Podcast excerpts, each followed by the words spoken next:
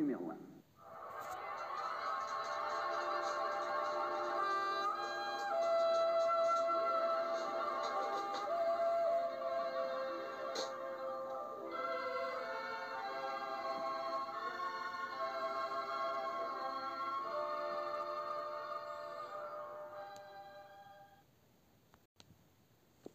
Bienvenue sur Europe 1. Aujourd'hui au programme, l'année 1968 dans le monde, les deux grands confrontés aux limites de leur modèle.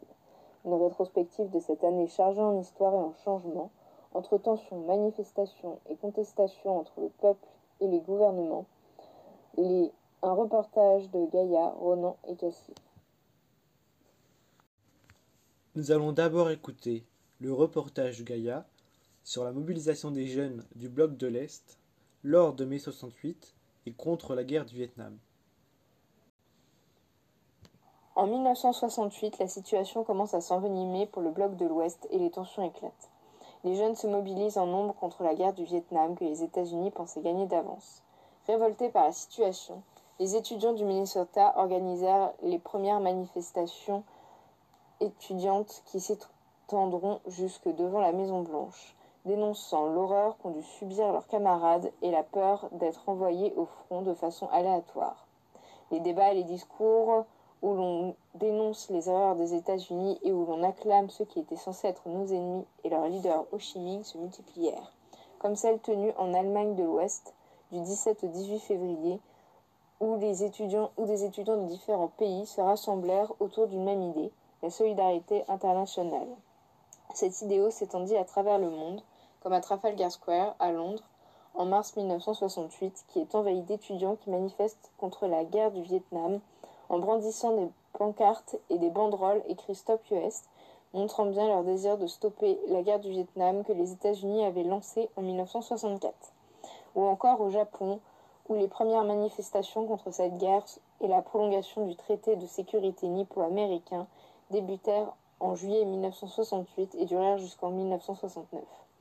Toutes ces manifestations pacifiques, mais qui finiront souvent dans la violence et le sang, avaient pour but de remettre en cause l'expansion violente de la démocratie, contraire aux idéaux pacifiques, surtout aux États-Unis, berceau du mouvement hippie qui avait conquis les jeunes de cette époque. Maintenant, notre reporter Cassie va nous parler des tensions raciales aux États-Unis lors de mai 68. Les tensions raciales aux États-Unis. La guerre du Vietnam a ravivé la fracture raciale, malgré l'abolition des lois ségrégationnistes par le président Lyndon Blaine Johnson. C'est que les jeunes noirs, du fait de leurs conditions modestes, sont en première ligne parmi les conscrits appelés à combattre en Indochine. Martin Luther King dénonce ce paradoxe. En avril 67, devant une foule immense réunie à New York sur la place des Nations, il se demande pourquoi envoyer des jeunes noirs défendre à 16 km de chez eux des libertés qu'ils n'ont jamais connues dans le sud-ouest de la Géorgie et dans l'est de Harlem. C'est dans ce contexte que le pasteur est assassiné sur le balcon d'un motel à Memphis, un an plus tard, le 4 avril 68. Son assassin finira par se dénoncer. C'est un repris de justice blanc, James Earl Ray. Révoltés par la disparition de l'un des meneurs de la communauté noire, les habitants des ghettos des grandes villes américaines sombrent aussitôt dans des émeutes d'une extrême violence. 125 villes, dont Chicago, qui est ici en flamme le 6 avril, subissent des émeutes raciales du 4 au 11 avril. Cet Holy Week Upspring fait 39 morts et des dégâts comme les États-Unis n'en ont pas connu depuis la guerre de sécession.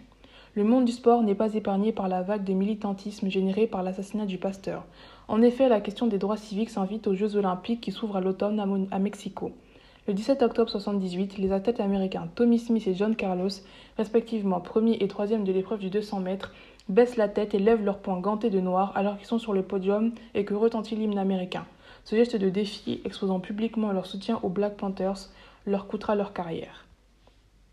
Enfin, nous quittons les États-Unis et le bloc de l'Ouest pour étudier l'impact de mai 68 sur le bloc de l'Est et la Tchécoslovaquie. À l'Est, l'ancienne démocratie tchèque impacte la mémoire d'un peuple qui se réveille. Tout commence le 5 janvier 1968. Alexandre Dubček est élu dirigeant de Tchécoslovaquie et engage des réformes de libéralisation. On passe alors de la démocratie populaire et autoritaire vers une démocratie plus libre et plus juste. Dès lors, la censure est supprimée, Alors, les journaux réclament une vraie démocratie, le peuple n'est plus manipulé et agit. Brezhnev, le chef de l'URSS, a peur de voir ce territoire quitter le bloc de l'Est en pleine guerre froide. Ainsi, il demande la fin de ces mesures en négociant avec Dubček. Mais aucun retour en arrière n'est possible. Alors, les immenses armées du pacte de Varsovie envahissent la Tchécoslovaquie le 20 août 1968. Alors les Tchèques manifestent pacifiquement pour réclamer la démocratie. Ils négocient avec les soldats. Certains soldats craquent sous le poids de leur conscience, mais l'URSS renvoie des soldats pour disperser les manifestants. Les images qui nous sont parvenues clandestinement sont terrifiantes. Les armées de l'URSS font usage de la force contre un peuple pacifique. Pire, parfois ils tirent. Bilan. Une démocratie qui ne verra pas le jour.